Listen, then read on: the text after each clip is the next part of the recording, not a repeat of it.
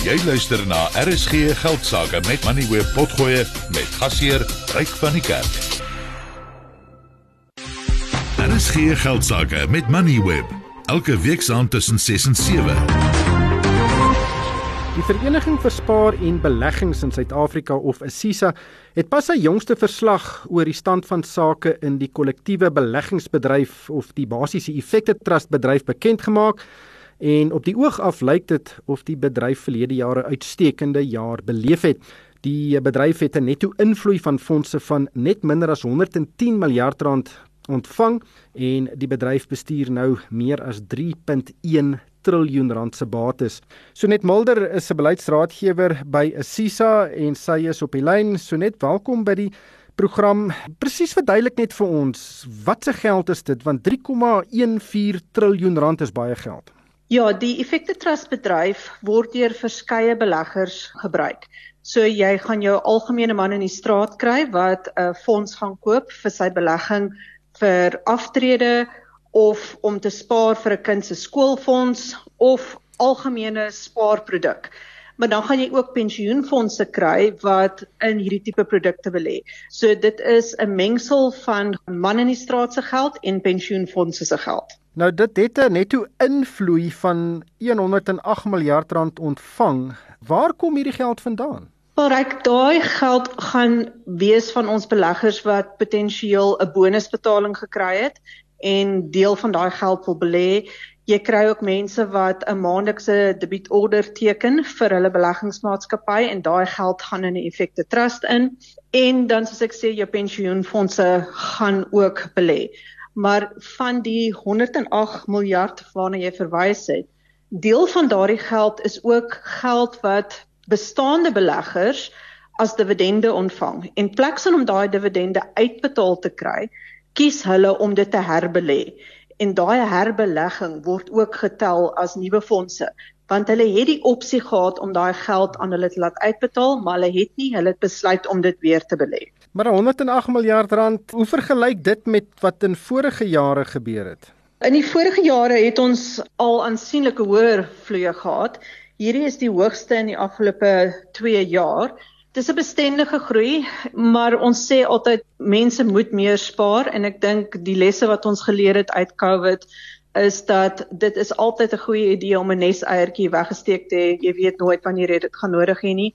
So in die tye wat jy dit kan bekostig, doen die beleggings en sit dit weg. sien julle dat baie geld in Suid-Afrika vloei na die buiteland? Ons het wel 'n positiewe invloed gehad na die fondse wat internasionale fondse is. Hulle het 'n invloed gehad van 9.2 miljard rand, maar hulle is nie die grootste kategorie wat geld gekry het nie. Die grootstes was ons multibate kategorieë, ons inkomste kategorie en hoë aandeel kategorieë. So ja, daar gaan definitief geld oor see, maar nie ek dink soveel soos wat mense dink nie. En ek dink dit is belangrik om te onthou dat as 'n batebestuurder besluit om geld oor see te vat, dit moet 'n goeie tyd wees om my geld oor see te vat.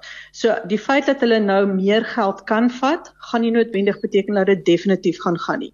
Dit sal net vloei as daar 'n goeie koopgeleentheid oor see is. Die finansiële aksietaakspan of die FATF het Suid-Afrika nou op die gryslys gesit weens tekortkominge in ons finansiële stelsels om korrupsie en geldwasery en die finansiering van terrorisme te bekamp en daar word voorsien dat een van die gevolge daarvan kan wees dat daar 'n verandering in kapitaalvloei kan wees en dat daar nie net minder kapitaal Suid-Afrika sal inkom nie maar daar dalk meer kan uitgaan is jy bekommerd daaroor Ryk dis baie moeilik om op hierdie stadium te sê wat die impak gaan wees. Natuurlik die syfers waaroor ons gesels vandag gaan oor die jaar tot einde Desember. So dit is moeilik om te sê wat gaan gebeur. Ons sal dit met 'n valkoog dophou en kyk wat gebeur.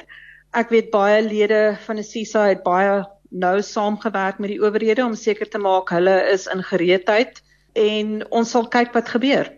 Dan ek sien verskansingsfondse het uitstekend presteer. Natuurlik was hierdie bedryf baie klein 'n paar jaar gelede, maar is besig om vinnig te groei. Daar is omtrent 50 miljard rand se bates onder bestuur en verlede jaar het daar meer as 5 miljard of 10% in hierdie segment ingevloei.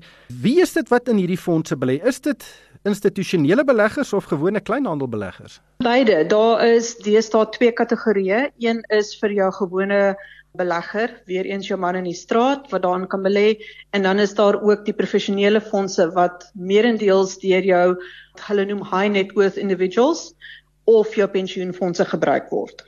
Maar dis 'n interessante tendens. Hoekom dink jy vloei soveel geld na verskansingsfondse toe? Want in die verlede was jou multibatefondse baie baie gewild of die gewildste. Ja, multibatefondse as jy na jou tradisionele effekte trust kyk, is nog steeds en hulle het definitief die gros van die invloeye gekry aan jou tradisionele effekte trust kant.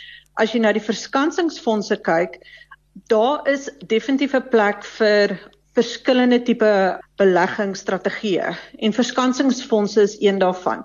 En dit is wat ons vir ons beleggers altyd sê, 'n gediversifiseerde portfolio is baie belangrik.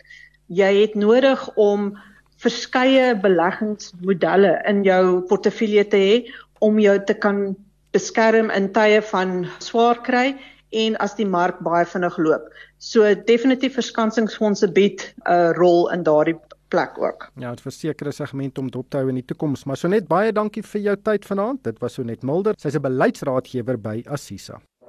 Jy het geluister na RSG Geldsaake met Money where potgoe elke weeksdag om 7 na middag. Vir meer Money where potgoe, besoek moneyweb.co.za of laai die toepassing af en volg Moneyweb News om dagliks op hoogte te bly.